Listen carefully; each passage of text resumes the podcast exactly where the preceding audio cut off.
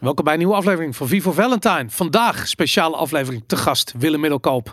Willem, welkom. Ja, mooi trailer. Ja, hè? Ik had hem nog niet gezien, sorry, maar uh, ja, nee, dit, eh, lekker heftig. ja, daarom. Ja, dit, eh, dit Ja. heeft eh, eh, iemand eh, via Robert gemaakt. En eh, sommige mensen vinden hem te donker, maar eh, ik heb ook zoiets het van ja. zijn donkere tijden. Dat bedoel ik. ja, en dat is ook eigenlijk gelijk met de deur in huis. De tijd van de bloemetjes en de bijtjes, dat is eh, voorbij, zeg maar. Ja, ik weet je, ik, ik weet niet. Ik, ik denk eerlijk gezegd dat veel mensen die dit kijken, eh, misschien wel meer van ons gesprek hebben gezien. Weet je, om de Ja. eh, eigenlijk één keer per jaar zoiets. Dan, dan ehm, kijken we terug op een, op een soort van escalatie van Ja. ellende eh, die we hebben gezien. Nee. waar we het jaar daarvoor alleen maar zitten van, nou, het zal toch niet, Nee. het zal toch niet, het zal toch niet. Er En gebeurt zoveel nu, in een half jaar. ongelooflijk. Ehm, we hebben, eh, ik denk even kort samenvattend, eh, in de afgelopen jaren gesproken over, over hyperinflatie, over inflatie, over geldcreatie door de centrale banken en de onvermijdelijke uitkomst die dat met zich meebrengt. Dat, dat is de kern inderdaad. Ja, inderdaad. Onvermijdelijke uitkomst. Trek, trek alsjeblieft de microfoon goed naar je toe Ja, dan. ja. Ja, die, die onvermijdelijke uitkomst van geldcreatie, even kort samengevat. Ehm, ja, nou ja, ik, ik publiceer al twintig jaar. Eh, ik had gisteren een webinar bij RTL, mijn oude vrienden van RTL. En daar zat ik naast de Roland Koopman, de presentator. En ik zei tegen Roland, twintig jaar geleden, echt in 2001, begonnen wij bij RTL als eerste ploeg met ja, nieuws maken bij RTL. En ik zei letterlijk tegen Roland van, je hebt mij de laatste twintig jaar steeds hetzelfde horen zeggen. En, eh, al mijn publicaties dat de kern geweest. Dat de geldcreatie in ons ongedekte geldsysteem, in ons fiat geldsysteem, zoals we dat eh, eh, eh, vanuit Amerika noemen. Ehm, dat, dat, dat, is, dat is een creatie die per definitie steeds groter zal moeten worden. Dus de geldcreatie moet steeds groter worden omdat je ehm, een systeem hebt wat gebaseerd is op schuld. Die schuld moet worden afbetaald met rente. En dat vraagt er dus om dat per definitie dat geldsysteem moet uitdijen. ja. Nou is dat niet zo erg als je dat ehm, zeg maar gecontroleerd kan blijven doen. Dat, dat geldhoeveelheid maar 1, 2 of 3 procent per jaar zou groeien of zo.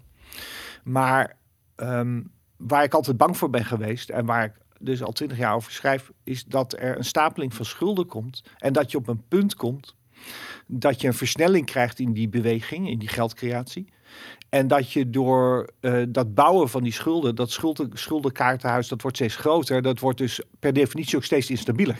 ja. Hè, als je gaat stapelen, hè, dat levert instabiliteit op.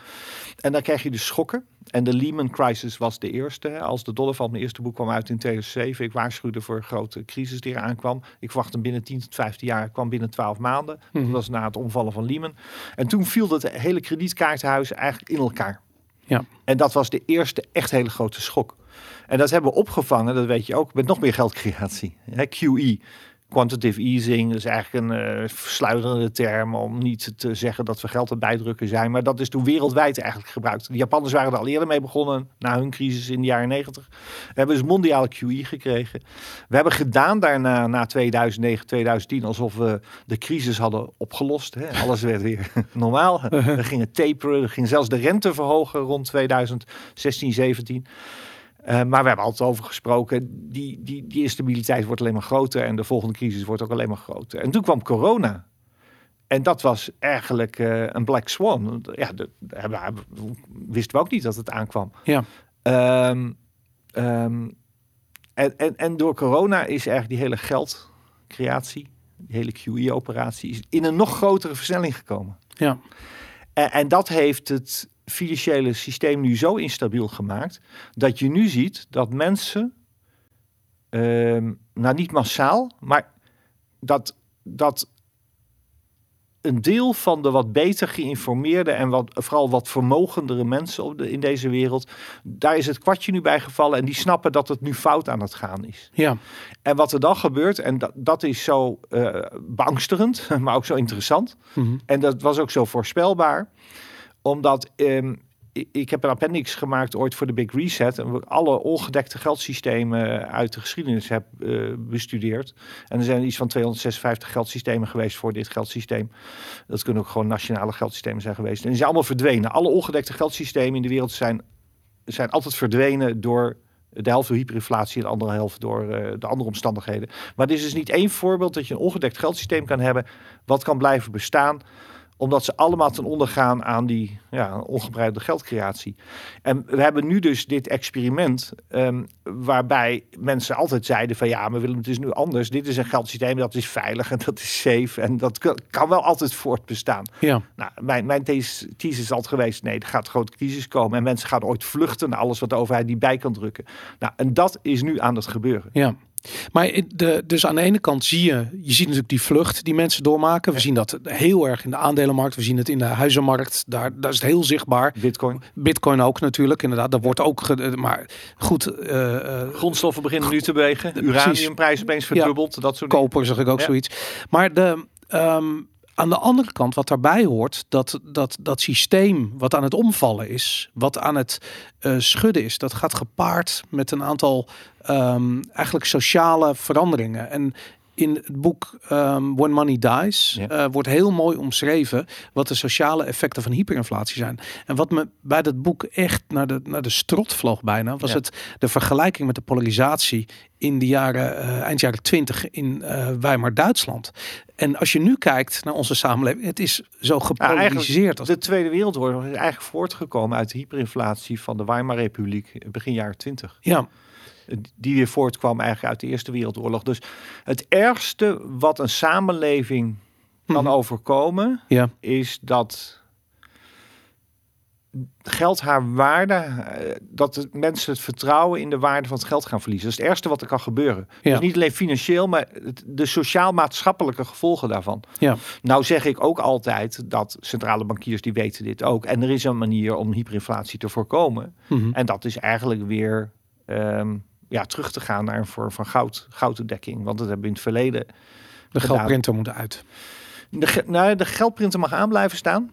Maar je, moet het je kan het vertrouwen alleen herstellen. Dat leert de historie. Mhm. Door goud, uh, geld weer te koppelen aan uh, goud of iets anders wat heel waardevol, door mensen als waardevol wordt gezien. Ja.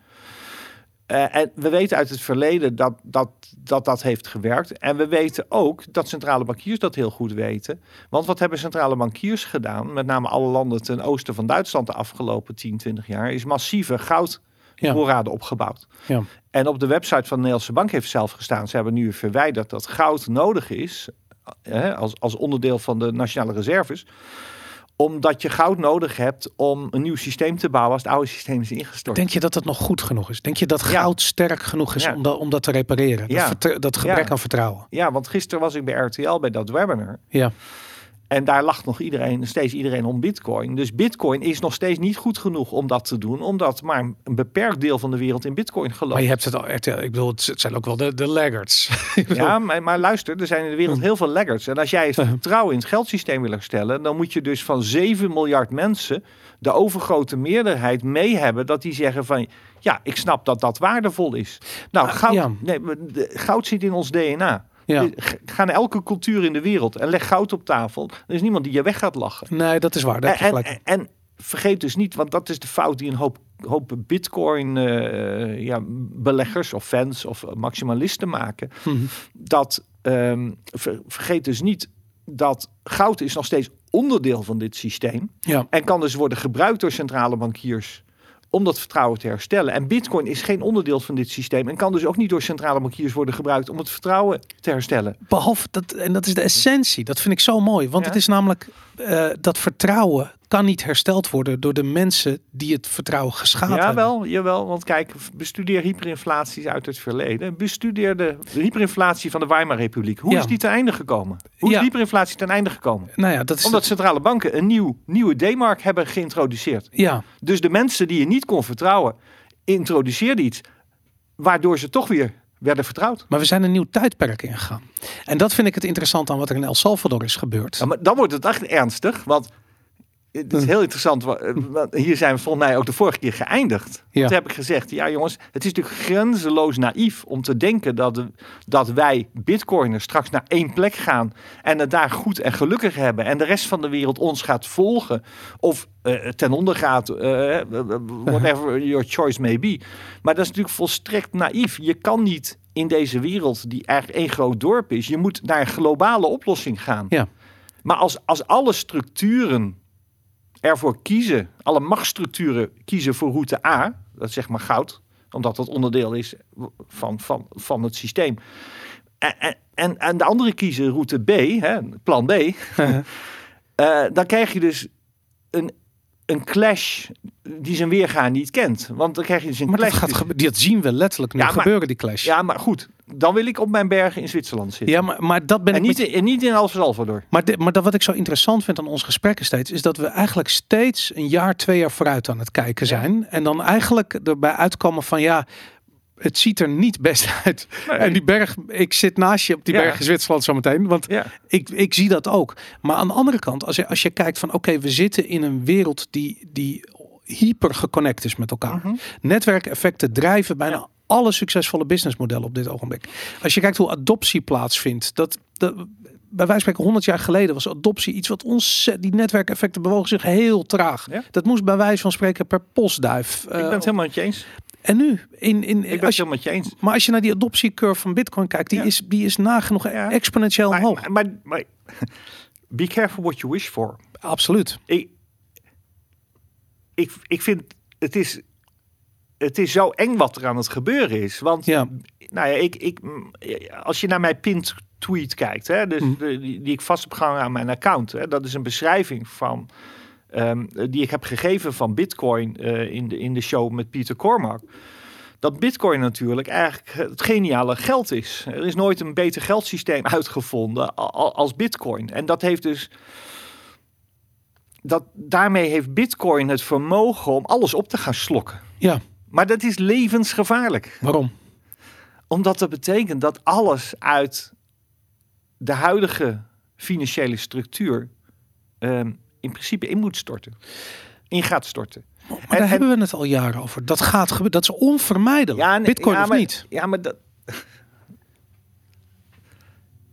dat, dat, gaat zulke grote problemen geven.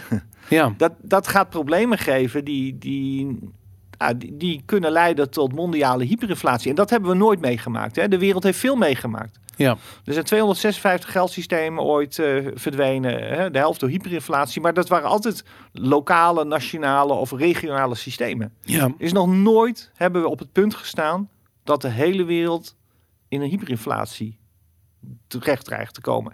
En ik, ik zeg steeds, ik ben altijd heel voorzichtig om dat woord te gebruiken.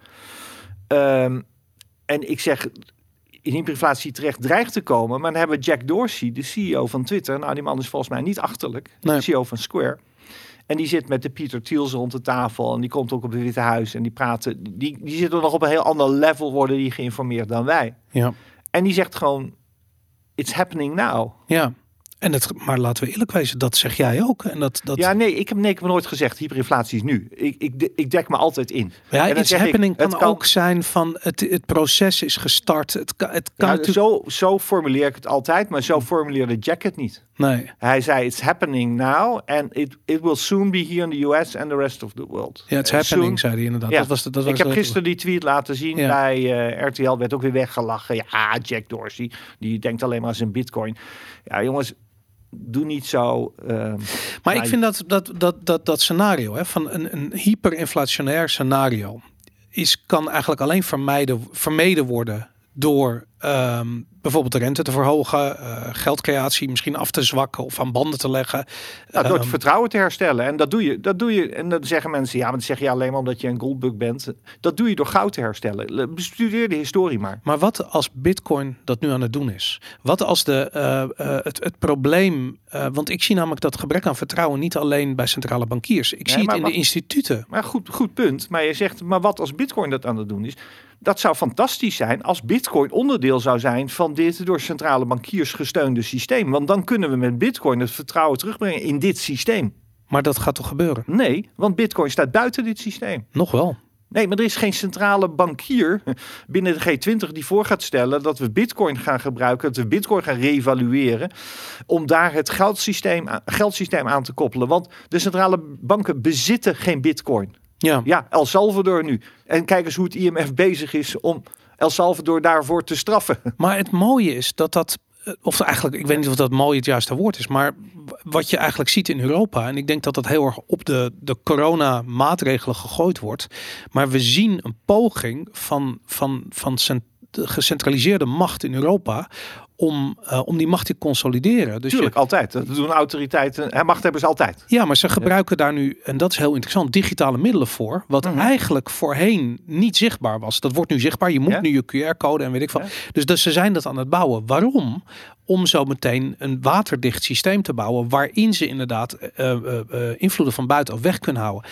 En het stomme is dat Bitcoin is daar resistent tegen. Mm -hmm. En dat dat, dat, dat hele idee van die, van die, van die, van die, um, um, die, die adoptiecurve van Bitcoin naast de. Uh, hoe zal ik het zeggen? Naast de, het, het, wegvallen van het vertrouwen. Dat lijkt wel met elkaar. Dat lijkt wel communicerende nou, vaten. zijn communicerende vaten. Maar, maar, maar, daarom is het zo bedreigend. Echt nogmaals. Ik zat in, ik, ik zat in een call. Uh, je weet, ik zit bij de OMVIF. Ja. Uh, dat is een monetaire denktank. Eigenlijk ontmoetingsplaats van centrale bankiers en de private sector. Mhm. En we zaten in een call. Uh, met een hoge uh, official van de Treasury. Ja.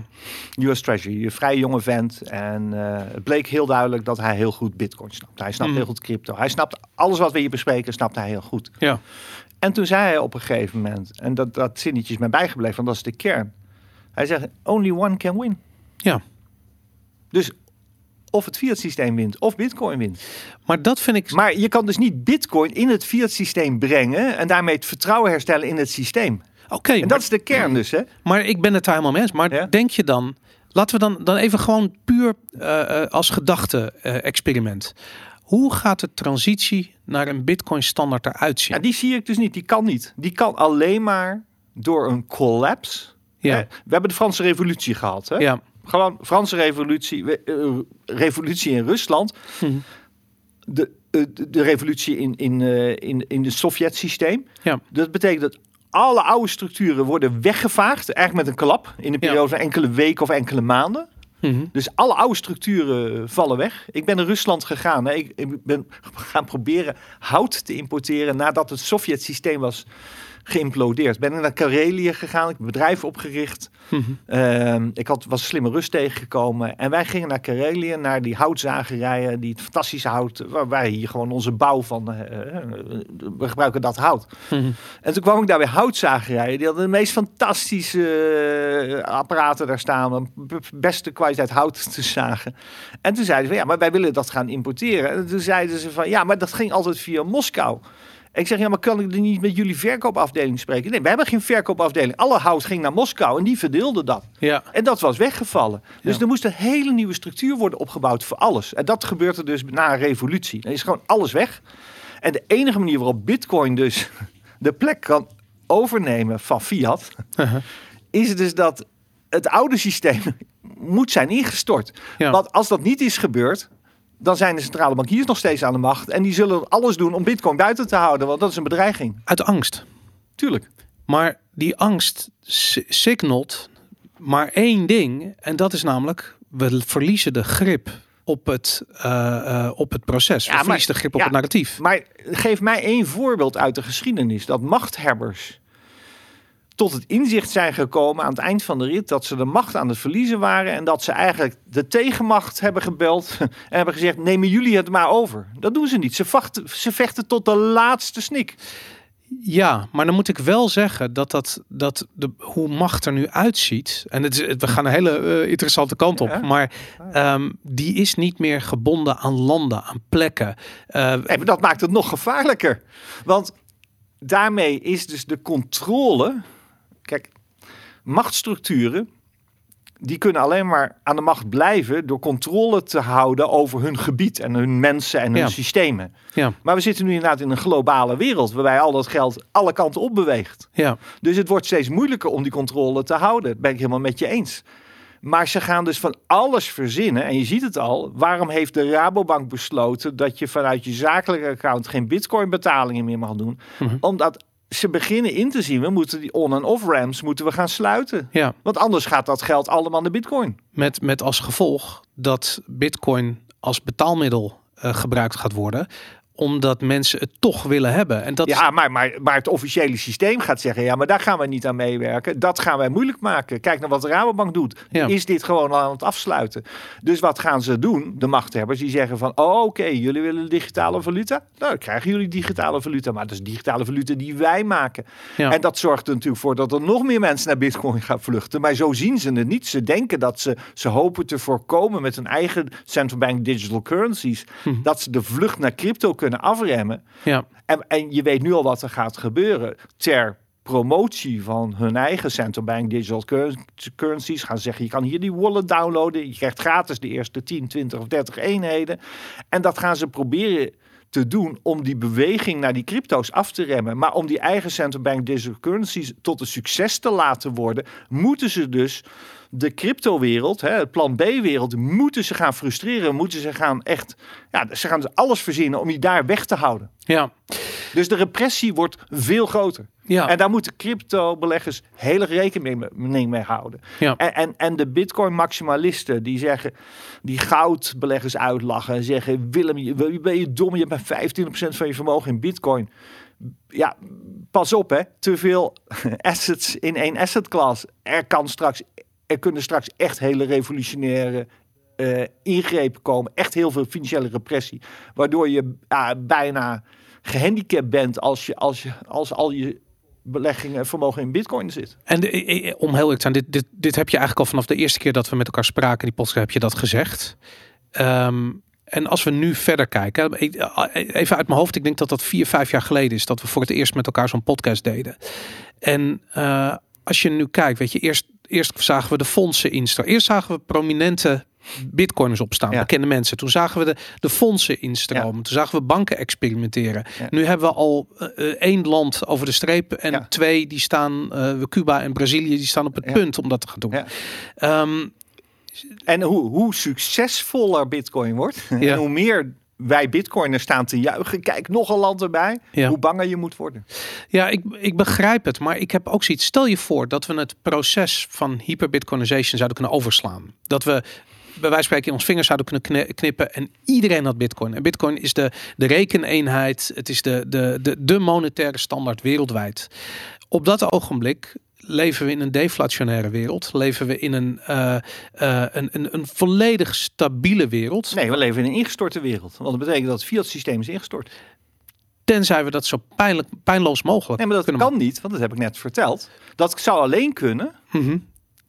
als centrale banken bitcoin zouden behandelen als goud. Dus het zou betekenen dat nu alle centrale banken in de wereld, of in ieder geval de belangrijkste centrale banken in de wereld, Mhm. nu allemaal bitcoin rekeningen hebben, zodat we bitcoin kunnen gebruiken ter vervanging van goud. En de centrale bankkluizen liggen vol met goud. Niet met Ja. zilver, niet met uranium, niet met olie en zeker niet met bitcoin.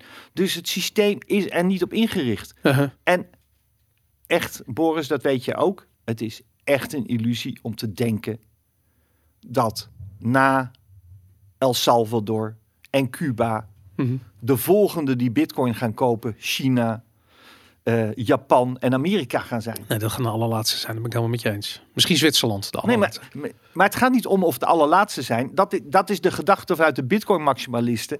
Dat Bitcoin alles op gaat slokken. Dus elke dominee, er valt steeds een andere domino. Ja, Maar je kan alleen maar tot die monetaire reset komen, waarbij Bitcoin de nieuwe de standaard zou worden. ja. Als het niet domino's zijn die omvallen, maar als het domino's zijn die blijven staan en al die domino's samen besluiten dat dat een nieuwe standaard wordt. Ja, maar ehm, ik, ik, ik, ik begrijp heel goed wat je zegt. En ik vind het, het bijna de tegenstelling eh, eh, tussen ons in is bijna de, eh, de, de, de situatie waar de wereld in verkeert. Weet je, want ik, ik ben het met je eens dat het, we, we be- begeven ons in bijna onbekend terrein. Nou, maar wacht even. De kern is, het enige punt, wij denken er hetzelfde over. Het Ja, ja. enige verschil is dat jij denkt dat er een revolutie kan komen zonder revolutie. Ja, Maar je kan alleen een revolutie krijgen. Er is niet één voorbeeld van een revolutie in de wereld zonder het ineenstorten van het systeem daarvoor. ja. En maar jij wil nu zoeken naar een mooie, soepele overgang. Dat kan niet, per definitie. Maar het, om je Eerst, voorbeeld te eerst geven. moet het ander instorten. Maar om je een voorbeeld te geven. Toen Facebook kwam, verdween MySpace. MySpace stortte niet in elkaar. Nee, Toen maar dat is niet een systeem. Dat is niet een systeem. We hebben het hier over systemen. Nou, ik ben het met je eens dat de, dat de huidige macht, de gecentraliseerde belangen, Ja. die gaan een crackdown uitvoeren op de verandering. Dus die gaan de verandering proberen af te remmen. Dat is waar de revolutie kan plaatsvinden. Maar het probleem daarmee is dat de, de tools die ze hebben om die crackdown uit te voeren, zich buiten het domein van Bitcoin bevinden. Of eigenlijk Bitcoin bevindt zich buiten het domein van die gecentraliseerde krachten. Dat betekent dat als je eh, eh, bij wijze van spreken nu als, als, als, als jongere geen huis meer kunt kopen, je kunt niet meer sparen, je, kunt, eh, je hebt eigenlijk, je bent kansloos. Maar je hebt wel bitcoin. Wat let je omdat eh, eh, als je het niet kunt kopen met je Rabobankrekening, eh om naar een neobank te gaan, zo'n revolutie. Prima, maar, dat, misschien- maar dat is geen revolutie. Kijk, er ontstaan revolutionaire krachten. Mhm. Doordat nu hele grote groepen in de samenleving. Het begint met dat ze geen huis meer kunnen kopen. Ja, Straks kunnen ze geen eten meer kopen. Ja. De prijzen gaan nu zo hard omhoog. Ja. Dat ik voorspel je, er gaan grote groepen mensen in deze wereld. Misschien niet in Nederland, maar zelfs in Nederland. Gaan mensen komen die kunnen energie niet meer Ja. betalen. Die kunnen eten niet meer betalen. ja, Dat gaat een mondiaal probleem worden. Binnen Mhm. 1, 2 jaar. ja. Ik denk dat we daarom ook overgaan naar straks Universal Basic Income. Uh-huh. Hè, waar we central bank digital currency voor gaan gebruiken. Maar dat maakt het probleem alleen maar groter in het fiat systeem. Tuurlijk. Ja. Maar dat levert dus revolutionaire krachten op. En het feit dat enkele individuen zichzelf gaan redden door bitcoin te kopen, fantastisch voor hen. Ja. Maar een bedreiging voor het systeem. Heel veel dingen, als een bedrijf in een recessie mensen gaat ontslaan, heel goed voor het bedrijf, slecht voor het systeem.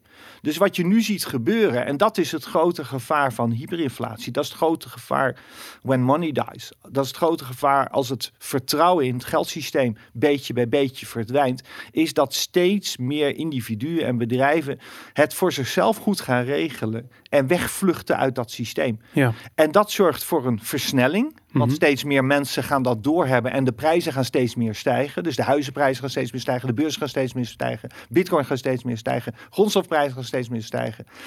En dat, dat is een spiraal. Als die eenmaal is begonnen, die kan je niet meer stoppen. En dat is de hyperinflationaire spiraal. En, en, en ik vind het beangstigend. Ik had verwacht dat dat pas rond 2027 of zo zou gebeuren. Maar het is eigenlijk nu al aan het gebeuren. Ja. Als je dat, ehm, ja, ik, wat ik zei, ik vind het, ehm, eh, ik, ik hoor wat je zegt en ik zie die strijd letterlijk eh, eh, ontstaan. En ik, ik zit misschien er veel te veel met een Bitcoin bril naar te kijken. Ja. Ehm, en dat begrijp ik ook wel. Maar ik, ik, ik heb aan de andere kant dat ongemakkelijke gevoel dat die digitale adoptiecurve van eigenlijk wat of het nou de mobiele telefoon is of, of, of het gebruik van social media wat dan ook die, die ze zijn exponentieel en ze zijn niet te stoppen Nee, maar dat, dat, maar, maar dat maakt het dus zo gevaarlijk. En kijk, eh, de fout die vind ik nog steeds Bitcoin-maximalisten maken, is door te denken dat het gegarandeerde succes van Bitcoin Mhm. dus ook een gegarandeerd succesvolle uitkomst op gaat leveren. Ja, wel voor jou persoonlijk, maar voor het systeem is het desastreus. En, en nog steeds heb ik er moeite mee om mensen ervan te doordringen dat dit financiële systeem, dit monetair systeem, een bepaalde structuur heeft. Dat dat een bepaalde karakteristieken voldoet. Ja. En dat is eigenlijk al honderden jaren hetzelfde. Dus je kan dat heel goed bestuderen. En, en de uitkomst, de positieve uitkomst van de Bitcoin-standaard, is op geen enkele manier te verenigen met een positieve uitkomst voor het financiële systeem. ja nou En mensen, mensen die dat bestrijden, die snappen het financiële systeem nog steeds niet goed genoeg. Goed, aan het begin van het gesprek zei je, eh, mensen met veel geld beginnen dit te zien. Die beginnen zien dat het systeem afbrokkelt. Die gaan op zoek naar veiligheid. Ja. Bitcoin is een onderdeel Ja. van die escape. Ja, heel duidelijk. Als je dan ziet dat mensen met veel geld, en ik doe even de aanname dat dat ook mensen zijn met macht en invloed, gaan vluchten naar Bitcoin, dan hebben ze ook belang bij, eh, eh, bij, een, bij, Ja. bij de bit, hyper-Bitcoinization van die asset. De centrale bankiers Hm. en de commerciële bankiers in Weimar, Duitsland, Ja. die kochten allemaal massaal vastgoed met, met leningen. Omdat ze wisten dat die mortgages, die hypotheken, waardeloos zouden worden en dat die huizen miljarden waard zouden worden. Ja. Dus zelfs de kenners in het systeem, Mhm. die gaan persoonlijk vluchten. Die gaan dat niet tegen anderen vertellen. Ja, misschien tegen hun beste vriend, om het ook te doen. Maar dat, dat hoort dus bij een instortend systeem. Dat zelfs de kapiteinen beginnen te vluchten. De Bundesbank-president heeft zijn vertrek aangekondigd. Ja. Zogenaamd dat Angela Merkel weggaat. Gezien, Dat ja. is een kapitein die vlucht van het Fiat-schip. ja. Denk je dat hij bitcoin heeft? Zou me niets verbazen. Maar- Meneer Fischer, eh, we, we weten het ook in Amerika, bepaalde centrale bankpresidenten. Want ze moeten een, eh, een boek openbaren. Die hebben gewoon fysiek ook fysiek goud. En, en het zou me niks verbazen als ze bitcoin hebben. Maar dat maakt mijn zorg dus alleen maar groter. Terwijl de bitcoin maximalisten zeggen, zie je wel, we zijn aan het winnen. Zij zijn ook bitcoin aan het kopen. Maar je moet doods benauwd zijn dat ze bitcoin gaan kopen. Want? Het is een bewijs dat de kapiteins het zinkende schip Ja, maar oké, dat begrijp ik. Maar, maar die... Maar jij wil, jij wil niet op de boot zitten met je bitcoin die aan het zinken is. De, de boot is aan het zinken, hè? En, en dan wordt er gezegd, ja, maar dit, dit is onze lifeboat. Ja, ja, ja. want de maatschappij is aan het zinken. dat, maar- maar ik, ik ben het met je eens dat je op een Kijk- gegeven moment voor je eigen veiligheid misschien andere beslissingen moet maken. Terug naar Weimar. Ja, Weimar, als je... Hè, mensen moeten echt een boek lezen. Het is gratis. When money PDF. Het is een pdf. Je kan het gewoon online lezen. Het is geen dik boek. Iedereen die in de Duitse Weimar-republiek, dus gewoon het huidige Duitsland, hè, heette toen de Weimar-republiek, leefde, die, die maakte een nachtmerrie mee. Ja. Ook, ook de rijke mensen maakten een nachtmerrie mee. Want zij hadden misschien nog wel eten, omdat ze goud konden ruilen voor eten. Maar hun personeel, ja, of hun broer of hun zus of de, of de leraar, die, die verhongerden, letterlijk. ja. Maar de rijke mensen met een lifeboat, die Mhm. konden naar Frankrijk gaan of die konden naar Amerika gaan. Ja, En die konden op die manier vluchten. ja. Maar als dit systeem crasht, dan crasht het mondiaal. Waar wil je naartoe ja. vluchten? Nee, dat, dat, dat, dat, dat, dat voel ik helemaal. Dat ben ik helemaal met je eens. En je geniet niet van de rijkdom die je dan hebt, omdat jij die bitcoin lifeboat hebt. Nou, wat, wat ik eigenlijk probeer te zeggen. In Weimar, Duitsland werd gevlucht naar stenen, naar onroerend goed.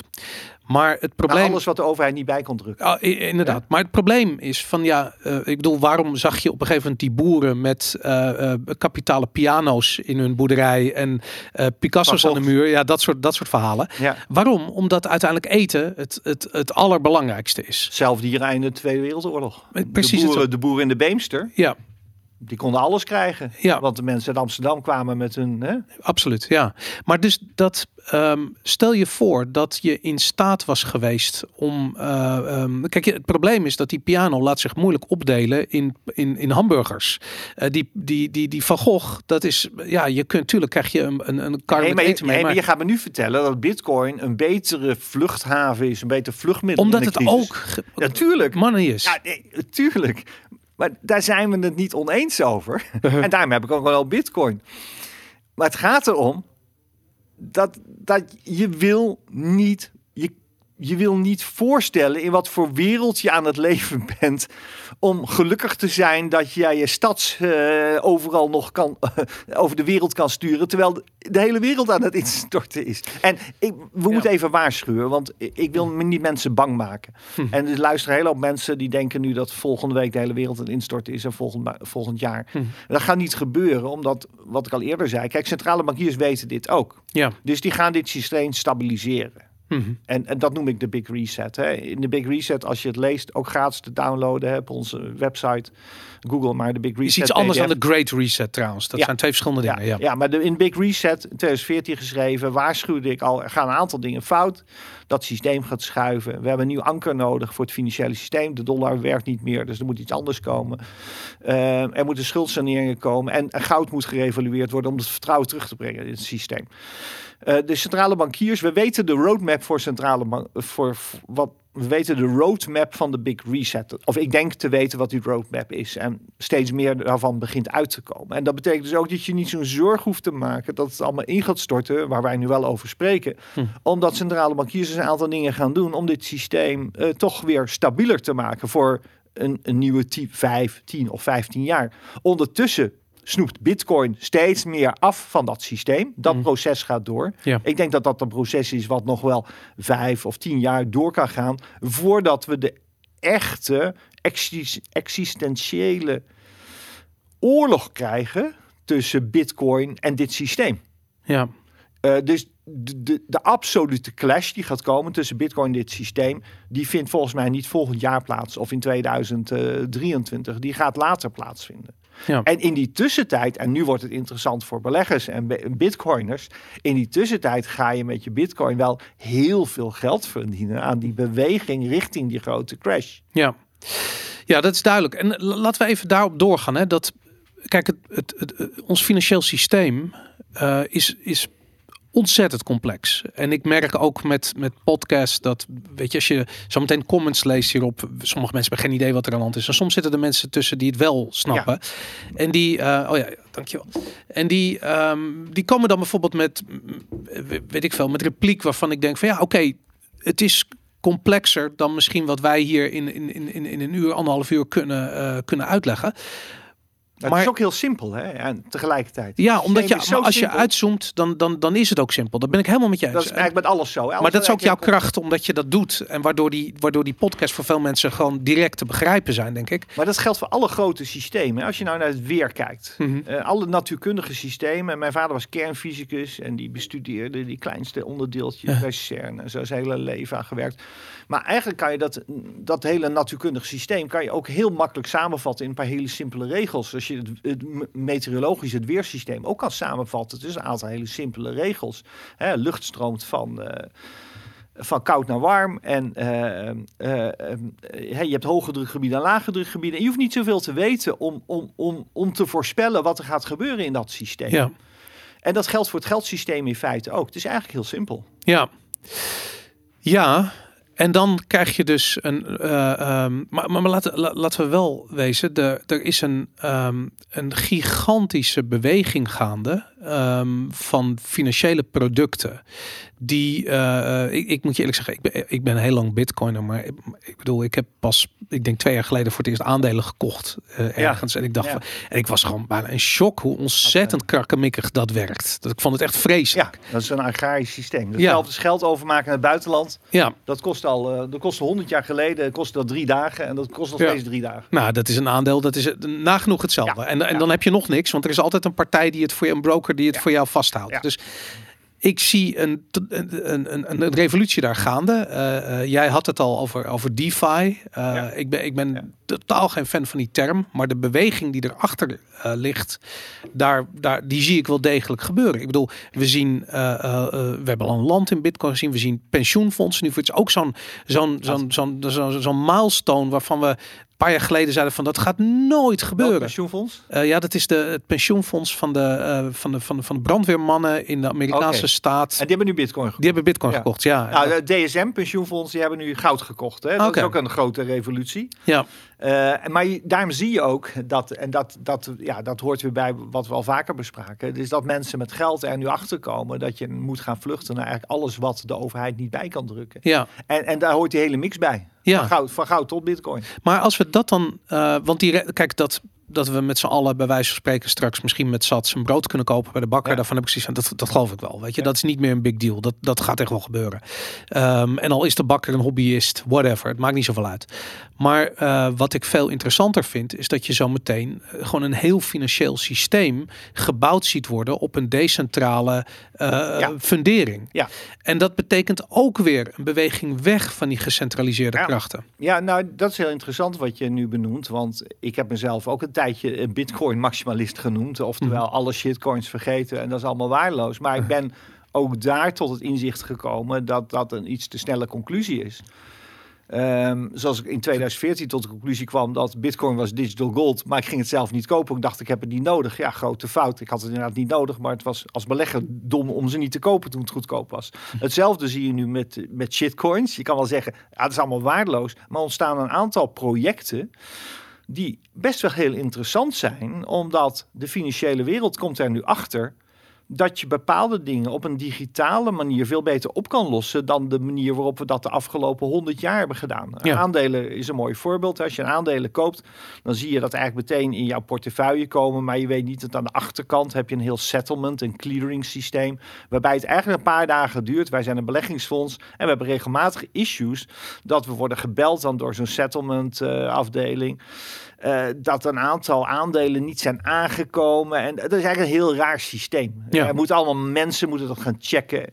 En door dat in een blockchain, in een smart contract te gooien, hoef je dat helemaal niet op die oude wetse manier met al die mannen die dat allemaal, en vrouwen die dat allemaal zitten te controleren. Hetzelfde geldt natuurlijk voor een notaris, dat je alles vast moet leggen voor een huis en dat het door mensen moet worden gecontroleerd. Je kan het met smart contracts kan je een hele hoop oplossen. Nou, eventjes long story short.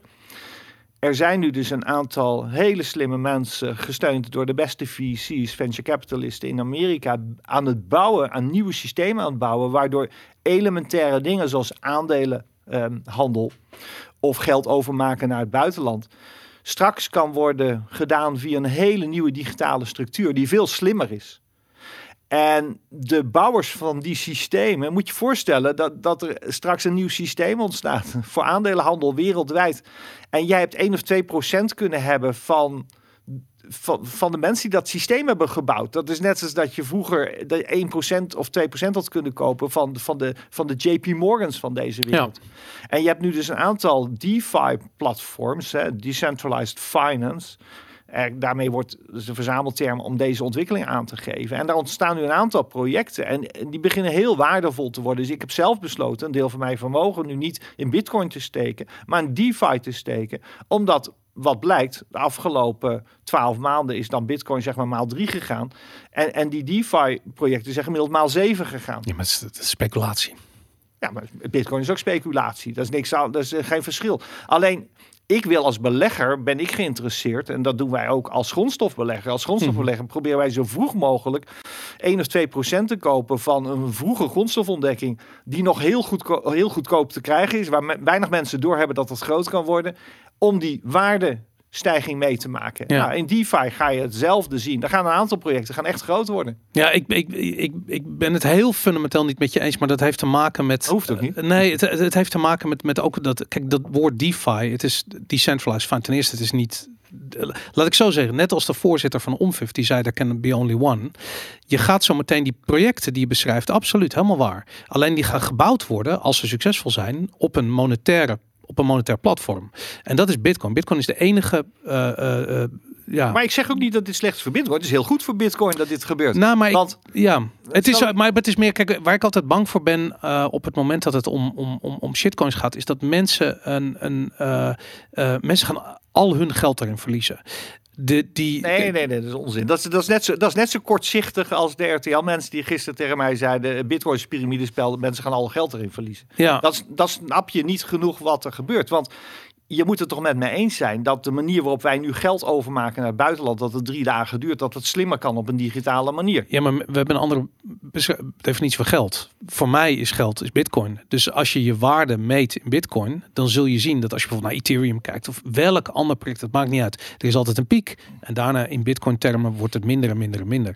En dat is, het, dat is denk ik het probleem. Nee, maar, maar, dat is een beetje weer naïef gedacht, sorry, met alle respect. Maar we zitten nou eenmaal in een wereld dat 99% van al het kapitaal in het fiat geldsysteem nog steeds rondklopt. Ja, ja, tuurlijk. Absoluut. En daar zijn systemen gebouwd die zijn niet meer up-to-date. Uh, de manier waarop wij geld overmaken, aandelen verhandelen, is, is gewoon erg ouderwets. Dus je kan er vergif op innemen dat in de fiat-wereld, waar, waar, jullie om lachen, mhm. het misschien terecht, maar er is nou eenmaal heel veel geld in die fiat-wereld. En er worden nu systemen gebouwd om in die fiat-wereld dingen slimmer te doen. En geloof me, de succesvolle ondernemers die daarin actief zijn en kijken eens hoeveel venture capital geld er naartoe gaat. En dat is echt geen domme jongens. En die gaan zorgen dat dat succesvol wordt, dat dat groot wordt. En wat is het disruptieve karakter daarvan? Want ik ben, ik ben benieuwd. In enorm, enorm. Maar, maar, kun je daar een voorbeeld gaan Nou, uh, mooi voorbeeld. We hebben nu Euronext. Worden aandelen op een bepaalde manier verhandeld. Je krijgt straks een, straks een disruptor, zoals we dat ook met Uber hebben gezien. Of, of welke disruptor dan ook, of Airbnb. Er komt straks een disruptor en die laat zien dat het aandelen verhandelen veel goedkoper, sneller en makkelijker kan via het plan B-systeem. Ja. Nou, en dan opeens tien jaar later blijkt dat 80% van de aandelenhandel is verschoven naar plan B-systeem. We zien dat eigenlijk bij FTX zien we dat gebeuren. Wat zo'n eigenlijk een platform is of een, ja, een bedrijf is die dat aan het bouwen is. Overal. Ja. Het zijn gewoon de disruptors. En in de financiële wereld valt nog zoveel te disrupten. En dat staat helemaal los van die hele bitcoin-ontwikkeling. Maar wat interessant is, is dat je dus een wereld hebt waarin digital assets gaan rondstromen, hè, worden mhm. verhandeld. Ah, het worden allemaal digital assets.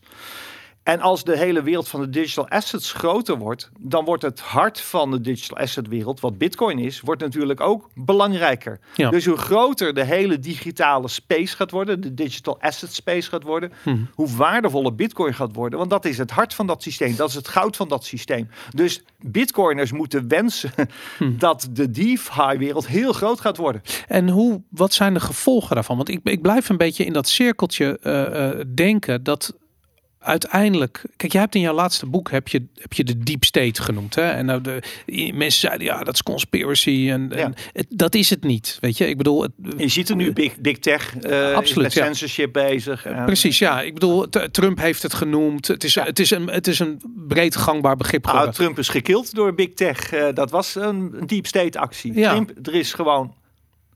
We hebben aantoonbaar het bewijs dat de hele Trump-organisatie is gewoon communicatief koud gesteld door Big Tech. Ja. Hij krijgt nergens meer toegang toe. Ja. Dat kan dus alleen gebeuren omdat er, een, omdat er dus een georganiseerde ehm, club is geweest die Mhm. als groep heeft afgesproken. Wij gaan daarvoor zorgen. Ja, En we hebben ook, we weten dat eh, van Mark Zuckerberg, die eh, bij eh, hoorzittingen hè, in, in, in het congres heeft verklaard dat er overleg plaatsvindt tussen de, Ja. de grote big tech companies, hoe ze omgaan met bepaalde ja, problemen of onderwerpen. Ja, nee, dat is duidelijk en dat zien we ook overal. Maar als je die deep state neemt, ehm, ik heb een aantal beschrijvingen daar, daarover gelezen. Eh, er is een prachtige website, Wikispooks, waar eigenlijk Ja. allemaal Wikipedia-informatie eh, wordt gecureerd, wat later weer verwijderd is. Dus Ja. hele interessante verhalen. Gisteren nog een heel ding over Mabel Wisse-Smit daar, eh, daar gelezen. Maar ehm, je ziet dat bij die deep state, dat het eigenlijk een, een, verzameling is van CEO's van grote bedrijven uit de media, CEO's uit het, uit het bankwezen, uit de financiële wereld en politici zie je in sommige gevallen Het samenkomen. samenwerken van machtsstructuren Ja. binnen, binnen de leidende klasse van een, een empire is het eigenlijk. Hè? Ja, en als je dan ziet van oké, dus blijkbaar die bankwereld en dat financiële wereld speelt daar een rol in. Als dat nu als een soort tsunami eh, over zich heen krijgt, een soort van disruptie van, van, van de grondvesten van waarop dat financiële systeem gebouwd is. We- weet je, we hebben het erover van als er een strijd plaatsvindt tussen, het, tussen de status quo en, en, en de vernieuwing. En dat Mhm. daar dus die revolutionaire krachten vrijkomen. Het zou zomaar kunnen zijn dat die strijd niet op alle fronten gevochten wordt. Het zou zomaar kunnen zijn dat bijvoorbeeld dat wat we nu gaan zien is een disruptie van het, het, het, het financiële systeem. Ja, ik, maar ik zie dus ook twee, twee oorlogen, twee strijden ontstaan. Eén is dus Bitcoin contra de fiat-wereld. hè. Dat, Mhm. dat is één, die hebben we genoeg besproken. Maar ik zie een andere strijd losbarsten. Dat is de start-ups die dus ehm, disruptive eh, platformen gaan bouwen die zeer bedreigend zijn voor de huidige financiële systemen. Denk aan beurzen, Ja. eh, bankenbeurzen, eh, ja, platformen, traditionele platformen. Dat is natuurlijk heel bedreigend voor de Euronext van deze wereld, voor de New York Stock Exchange, ehm, voor de JP Morgans van deze wereld. En, en er gaat dus ook een strijd komen van die disruptors, maar die worden gesteund met heel veel venture capital geld. En waar dus ook gewoon rijke mensen aan deel gaan nemen als, hè, als, Ja. als, als angel investors. En ik, ik ontmoet ze. Hè. Er, is nu, er wordt gewoon in Nederland nu 150 miljoen opgehaald in een paar weken. om door middel van een belangrijke VC in Silicon Valley hierin deel te gaan nemen. Ja. En, en als je ziet waar dat geld vandaan komt, dat komt niet van bitcoins, dat komt gewoon van traditionele family offices. Gewoon Ja. het oude geld. Die zien dit nu gebeuren. En, en dat grote gevecht gaat worden. En het wordt heel interessant om te zien hoe gaan de JP Morgans hiermee om? Hoe gaan de Goldman Sachs hiermee om? En ik denk dat ze op een gegeven moment zich in gaan kopen. Ja. Dus wij, wij als angel investors helpen nu mee dat te bouwen. En als dat gaat vliegen, dan wordt dat overgenomen door de JP Morgans. Want wie, die willen die nieuwe structuur van de toekomst bezitten. Ja. Maar dat is een hele andere strijd. Ehm, dat is veel meer een bedrijfseconomische strijd dan de existentiële strijd tussen Bitcoin en fiat. Ja. Ja. Als belegger wel heel interessant. Ja, maar, Ja. maar ook omdat die, die, al die, die, wat al die eh, eh, disruptieve krachten met, met, eh, gemeen hebben, is dat ze decentraal georganiseerd zijn. En het, waar je het bijvoorbeeld ook ziet, dat vind ik, dat vind ik fascinerend. Als je kijkt naar eh, ehm, eh, W, de, de WEF. Hè? En, en ik bedoel het Ja, niet zozeer als van. Uit Davos, de Klaus Schwab. ja, en dat Klaus Schwab zit zijn kat te aaien en te bedenken hoe die de wereld tot slaaf kan maken. Daar, daar geloof ik niet echt in. Nee. Maar als je kijkt van ja, oké, la- laat dat een leidraad zijn voor hoe mensen met geld en invloed bij elkaar gebracht worden. En ook bij een nieuwe generatie ondernemers. Ehm, je hebt de, de, de Young Global Leaders afdeling van de WEF. Daar zitten bijna geen ehm start-up CEO's bij. Wel op het moment dat die start-up groot wordt, dan zie je ze daartoe. Ja. Maar voor die Ja. tijd, maar dat, er is een zee van nieuwe Maar wat je in- aanwas. Ja, maar wat je in Amerika ziet, en dat vind ik inderdaad fascinerend, dat is precies wat je aanstipt. Dat die start-up wereld is eigenlijk een heel erg eh, ja, liberale of eh, li- libertarian. Hè? Ja. De hele vrijzinnige, vanuit een hele vrijzinnige cultuur komen die nieuwe technieken. Ja, Maar de VC's, de venture capitalists, dus de, die, de slimme jongens met veel geld, die herkennen eigenlijk onmiddellijk als, ehm, als er vanuit die crypto-anarchist iets interessants wordt bedacht. En die omarmen dat en die brengen dan eigenlijk, die, die VC's zijn eigenlijk de brug tussen de crypto-anarchisten en Wall Street. ja, Dus die brengen het eigenlijk dan binnen bij Wall Street. En Wall Street omarmt het ja. omdat die denkt, hier kunnen we heel veel geld mee verdienen. En wat gebeurt er dan? Dan worden door de Wall Street jongens daar eigenlijk CEO's neergezet. We hebben dat bij Apple gezien, we hebben het bij Google gezien, we hebben bij Facebook. Nee, bij Facebook niet gezien, er zitten nog steeds dezelfde CEO's. CEO, maar daar wordt dus een topman neergezet die onderdeel is van de deep state. ja. Waardoor dus die disruptor eigenlijk in het traditionele systeem wordt ingekapseld. En gewoon mee gaat doen aan wat de deep state wil, wat er gebeurt. En daarom zie je nu ook dat al die big tech, die Ja. begonnen is als small tech, ja. al die big tech is nu volledig ingekapseld. En die is heel duidelijk te verstaan gegeven van, ja, of je doet mee met ons systeem, of we gaan je pesten en we zorgen dat je... Maar iedereen ziet dat. Dus de, de, Ja. de, de vraag naar een decentraal eh, communicatieplatform. Ne- Neem een Twitter of neem een WhatsApp of, of dat soort. Of, of eigenlijk een Facebook. Ik bedoel, of YouTube is eigenlijk een heel goed voorbeeld. Maar YouTube is qua dataverkeer zo. Maar het is niet decentraal, hè? Dat zijn, Twitter is niet decentraal, YouTube is niet decentraal. En dat is het probleem. dat, dat zijn ja, dat zijn inderdaad centraal Ja, dus, dus er is een hele grote vraag naar een decentrale versie van dat soort platformen. Ja, En eh, bij Twitter zie je dat nu ontstaan. Ik geloof Ja. dat Trump zelf eh, Mastodon heeft gekloond en dat Ja. ze dat in de markt aan het zetten. Dat, soort, dat is dan een decentrale eh, versie van Twitter eigenlijk. Als je, ehm, als je die beweging ziet en vooral de snelheid waarmee die innovatie plaatsvindt. Kijk, het heeft YouTube, wat is het, 15 jaar gekost om zo dominant te worden als wat ze zijn. Het gaat drie jaar kosten om er iets tegenover te stellen wat de, dominanter is. Waarom? Omdat mensen kennen YouTube, vinden het tof, willen het, maar hebben geen zin in die censorship. Dus het is heel duidelijk wat de oplossing moet zijn. Nou, er is alleen maar iemand die dat hoeft te bouwen. Het, het bestaat al, het moet nog populair worden, maar dat heb je, dan heb je weer die adoptie van die, van die netwerkeffect gedreven start-ups. Die is exponentieel. Die, zodra er is, poef, bijna Tuurlijk, het kost wel een paar jaar. Maar als je er, als je er van een afstandje naar gaat kijken, lijkt het allemaal instant gebeurd te zijn. Hetzelfde met Bitcoin eigenlijk. Dus overal waar die, die centraliserende eh, eh, macht problemen oplevert, volgt een decentrale, disruptieve eh, tegenbeweging. En het overal waar dat gebeurt, eh, eh, heb je die revolutie. Waarvan jij zegt van dat zijn die revolutionaire krachten. Ik denk dus daarom niet dat, dat je dat op straat gaat zien. Ik denk dat je het gaat zien in de financiële wereld. Ik denk dat je het zien in de mediawereld, in de, in, in, ook in het onderwijswereld en nu ook in de medische wereld. Waarom? Want overal waar die repressie plaatsvindt, gaan mensen gaan eromheen. En vroeger waren die tools er niet. En nu zijn die tools eh, voorhanden voor ja, weet je, voor, voor, voor 50 euro heb je een Raspberry Ja. Pi. Ben je eigen bank. Dat, dat, het, is, het kost ook niks meer allemaal. nee, nou ja, het, het- ik, ik, help het je, ik, ik help het hopen, maar ik denk dat zaken zoals YouTube nu zo ehm, populair, groot en ehm, succesvol zijn, dat het heel moeilijk is om daar iets naast te gaan zetten wat, wat, ehm, wat groter gaat worden dan YouTube. Eh, daarom ben ik ook nooit meegegaan en mensen zeggen je moet nu van Twitter af en laten we met z'n allen naar, nou hoe heet het, de platform? Ik ben dan weer zo Parley of weet ik veel wat gegaan. Ma ja, Mastodon is zo'n... eh, Ja, maar, maar, ben het met je eens. Dat, dat, Ja. ehm, eh, al- als je eenmaal een leidende, echt een leidende positie hebt in een markt, is het heel moeilijk om dat eh, te, te bevechten. Dus ik, ik ben misschien iets minder militant dan jij in de gedachte.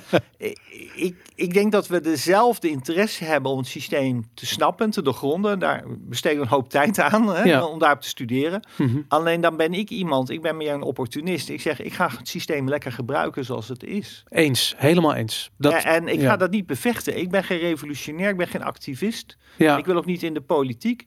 Ik zorg goed voor mezelf en ik gebruik het systeem waar nodig. En als het beter is dat ik mijn mond hou, dan ga ik mijn mond wel houden. Ik, ik heb ooit, eh, toen ik leerde snowboarden, toen eh, zei eh, mijn snowboardinstructeur Ja. tegen me: van je, de hele truc van snowboarden, kijk, de, de, de, de zwaartekracht doet het werk. Ja, Het enige wat je hoeft te doen, don't fight it.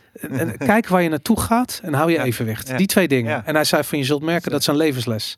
En als je gaat focussen op, de, als je naar een boom gaat kijken, dan knal je er tegenaan. Als je gewoon kijkt, en dat is met, met, met beleggen denk ik ook. Van als Nou, je, ik heb mijn eye on the ball. Ik heb ooit bepaalde goals voor mezelf gesteld. En dat is veel meer over quality of life dan, dan dat ik de behoefte heb om het, om het systeem te veranderen. Of het, le- alleen, ik ben wel kritisch op het systeem, maar ik gebruik dat ja, eigenlijk al als, als een opportunistische hedonist om, om mijn eigen leven beter te maken. Ja, nee, gelijk heb je. Hey, en eigenlijk al onze podcast eindigen met een, met een vooruitblik. Eh, als je even kijkt, hè, waar we. Ik, ik kan me nog goed herinneren dat. Ik denk dat er twee podcasts geleden is dat je eindigt van ja. eh, eh, die, die, die, die, dat instorten, dat komt wel. Maar wat is nou werkelijk belangrijk? Toen zei je met een broodje op het strand lopen. Het was Ja, in de zomer, denk Ja, ik, ja. dat we dat deden. Toen zei je zoiets van ja, dat is werkelijk belangrijk. En als je de, hoe, hoe kijk je daar nu tegen? Ah, the best things in life are free. Ik heb deze week, of dit weekend getweet. Ik liep eh, op een berg in Zwitserland. Met het mooiste uitzicht. Ik denk dat uitzicht is gewoon gratis. Fantastische zon in oktober. Ik denk die zon is gewoon gratis. Ja, Ik loop, loop, ik loop hier gewoon gratis. Ik, ik loop op de mooiste plek. Iedereen zou hier willen lopen. En het is gewoon gratis. ja, het is er gewoon. Ja. En, en mensen zeggen ook tegen mij: Ja, maar Willem, jij zit nou, je hebt het goed. Je zit nou in Zwitserland. En eh, we hebben daar een tweede huis. Maar iedereen kan in Zwitserland zitten. Ja. Het is gewoon Schengen. Er is niemand. Ik huur dat huis. Ik heb het niet eens gekocht. Iedereen mag mag. je ook niet kopen boven 100 vierkante meter. Ja, dat ligt aan per kanton. Mhm. Maar iedereen mag gewoon in Zwitserland een studiootje, een kamer, een appartement, een chalet gaan huren. En de prijzen zijn goedkoper dan hier in Amsterdam. Ja. Dus mensen maken het zichzelf vaak ook heel moeilijk. En dan zeggen ze van ja, maar jij kan het betalen, jij bent rijk. Je hoeft niet rijk te zijn om in de bergen in Zwitserland in de zon te lopen in oktober. Ja, Nog sterker, mijn zoon kwam met de trein en die betaalde 109 euro van Amsterdam naar Basel. Of naar Interlaken met de trein. Nou, ik geloof een retourtje naar Tilburg. Amsterdam, eh, Tilburg is de helft daarvan. ja. Dus ook dat is helemaal niet duur. Dus mensen, ehm, laat je niet gek maken. Ehm, richt je leven een beetje slim in. En eh, ja, je hebt, niet, je hebt niet zoveel nodig om gewoon ja, to enjoy life. Super, Willem, dankjewel. Mooi.